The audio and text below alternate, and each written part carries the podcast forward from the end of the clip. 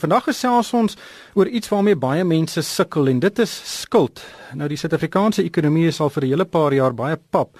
En dit beteken dat salarisse en lone met gewoonlik met lae enkelsyfer persentasies groei. En in baie gevalle is dit heelwat laer as die amptelike inflasiekoers wat tans weet bokant 6% staan.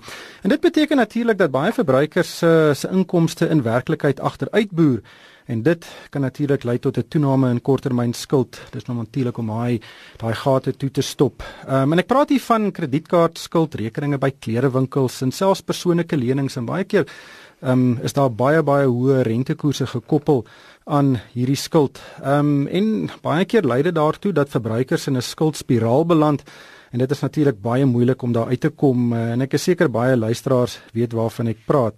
My gas in die ateljee vir vanmôre is Annelien van der Pool. Sy is van die skuldberadingsgroep Debt Rescue. Annelien, welkom uh, in die Moneyweb ateljee.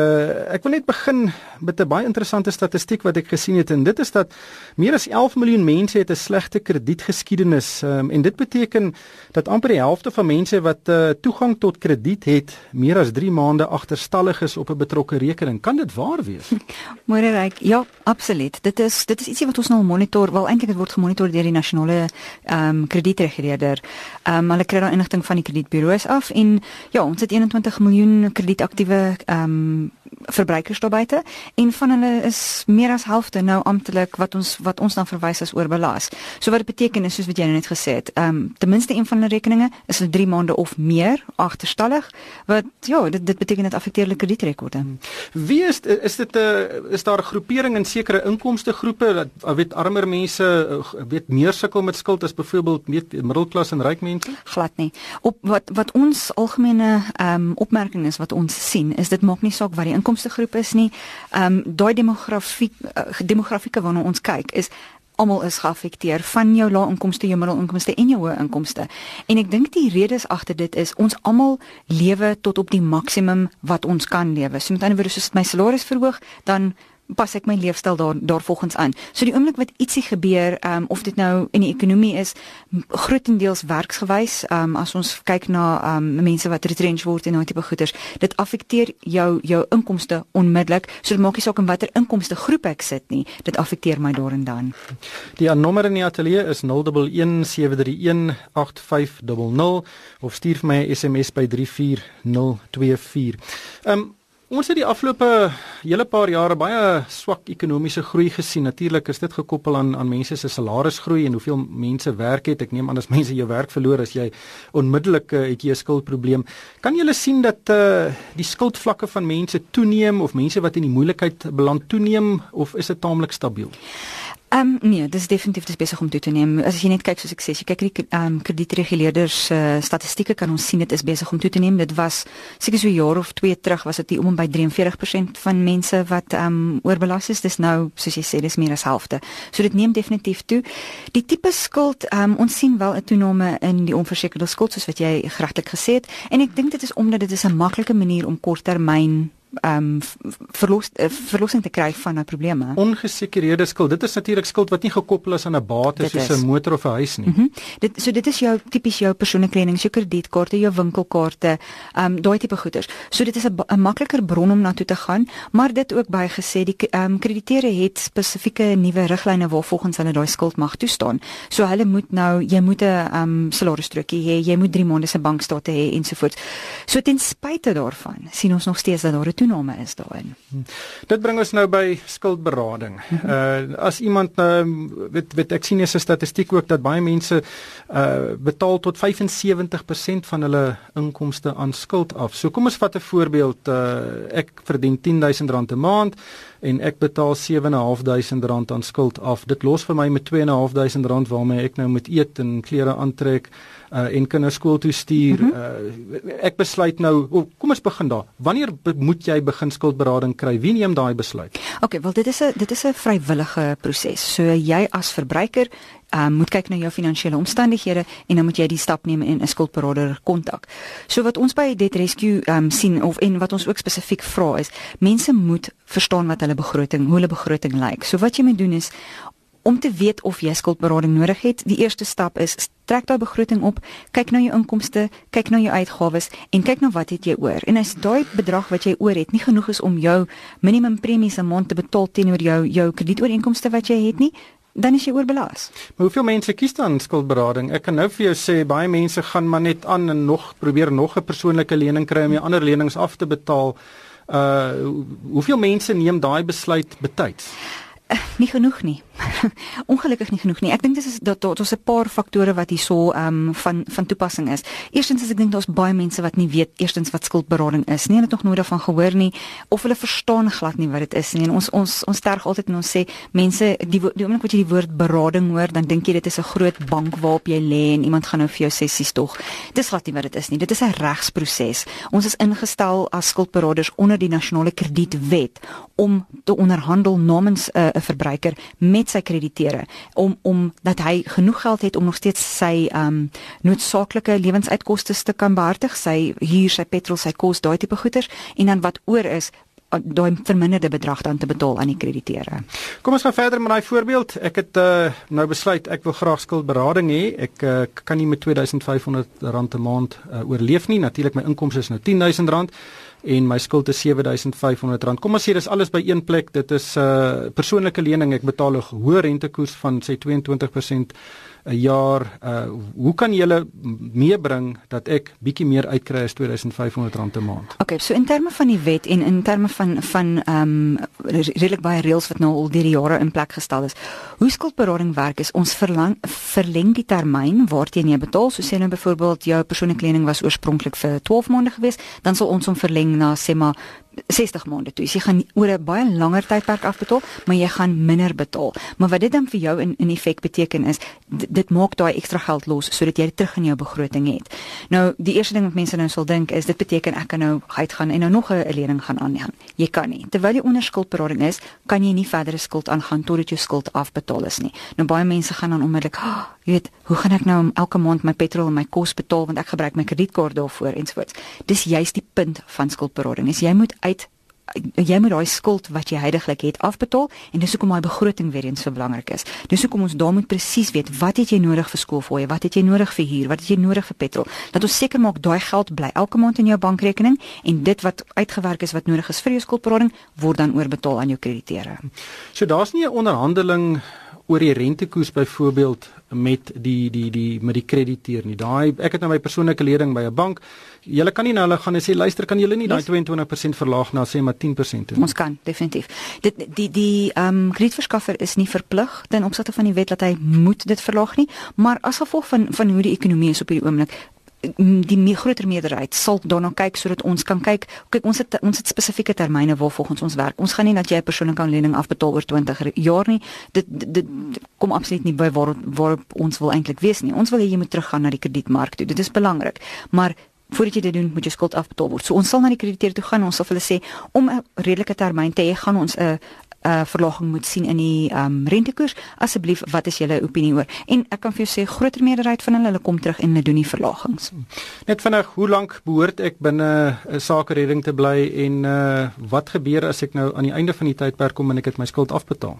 OK, so ten opsigte van hoe lank jy onder skuldberading is, dit is elke ou se se individuele profiel. Dit hang af of daar huise en karre betrokke is of daar net onversekerde skuld is. Natuurlik, hoe meer geld ons kan um, offer aan die krediteure, hoe vinniger betaal jy af. Dis logies gesproke. So maar as daar minder geld betrokke is, uh, weet wat geoffer kan word langer termyn.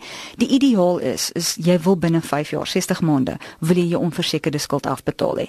En dan op daai stadium wil ons ehm um, net 'n voertuig oor hê en 'n verband en sodra jy as daar 'n voertuig betrokke is, moet die voertuig ook dan afbetaal word, nie noodwendig binne die 60 maande nie. Ons kry 'n verlengingstydperk op dit ook. En sodra die voertuig dan opbetaal is as daar voertuig betrokke betrokke is, dan ehm um, gee ons wat ons noem 'n uh, clearance sertifikaat. Dan haal ons jou ehm um, dan laat ons almal weet jou skuld is opbetaal, jou onversekerde skuld insluitend jou voertuig, jy het net jou verband oor en jy ehm um, keer dan terug na die kredietmark toe. Jy kan gaan weer eens skuld maak uh, waar jy dit nou natuurlik nodig het. Ja. Hier is 'n hele paar SMS'e wat inkom. Een persoon vra, weet sy, 'n persoonlike lening by 'n bank, ehm um, en sy wil net weet wanneer is dit 'n roekelose lening en of jy 'n rol kan speel. Sy byvoorbeeld, ek neem aan dis sy uh ehm um, verdien R19000 per maand en amper R11000 gaan in daai lening in. Ehm um, kan julle miskien sien jy sou hierdie lening moes in elk geval nooit toegestaan gewees het nie. Kyk, daar's daar's verskeie maniere hoe 'n persoon kan ehm um, navraag doen oor roekelose krediet.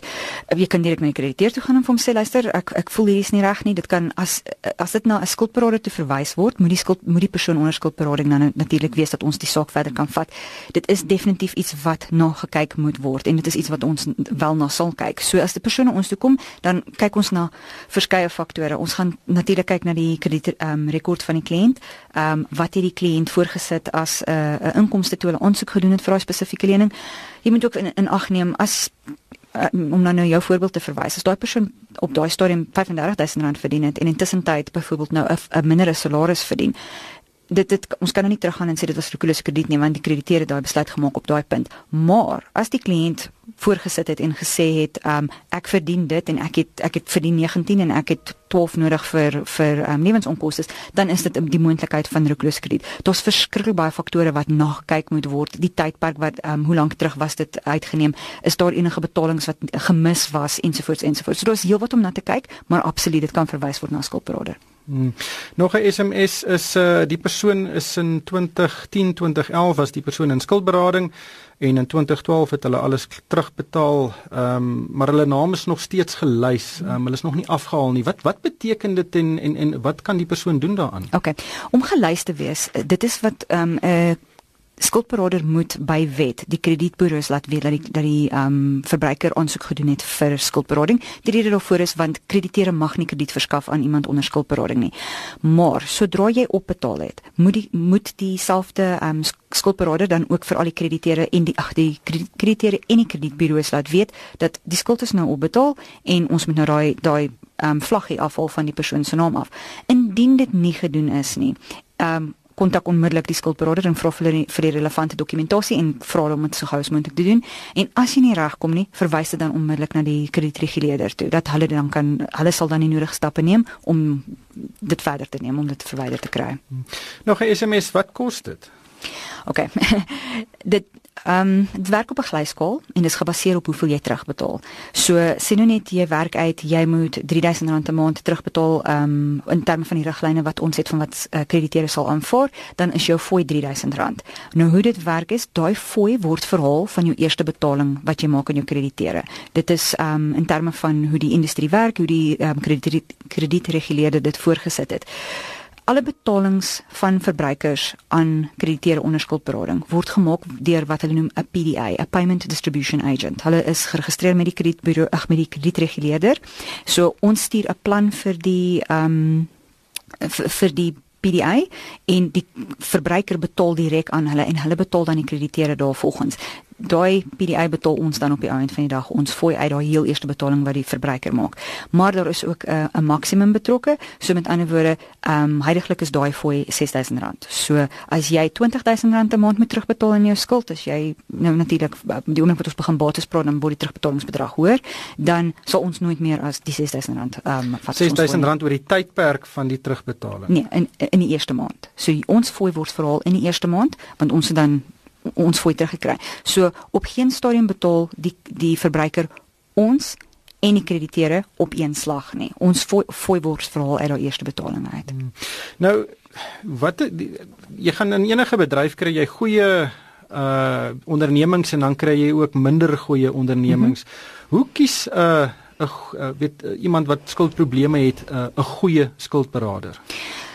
Ja, dit is 'n dit is 'n baie moeilike vraag en natuurlik ehm um, ek sal dadelik sê kyk kom na ons toe want ons ons is goed. Maar ek ek verstaan van 'n verbruikers se uh, ehm um, perspektief af is hoe kies ek?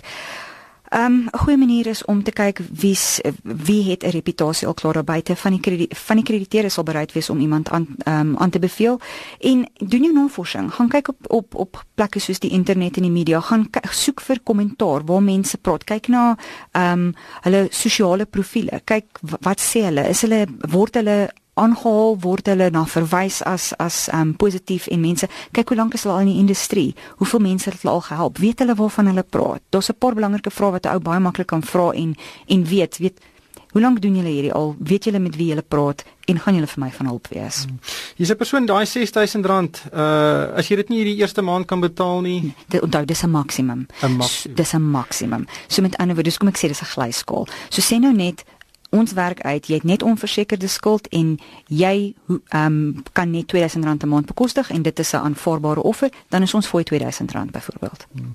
Hier is 'n uh, persoon wat wil weet daar's 'n skuldbeslagleggingsbevel ehm um, teen teen sy salaris wat hy mhm. elke maand moet betaal. Kan hy oorskuif na 'n skuldberading teen? Ongelukkig nie want dis daai bevel is op die einde van die dag reg regsaksie. En dis die een voorwaarde en soos ek vroeër gesê het, nie genoeg nie.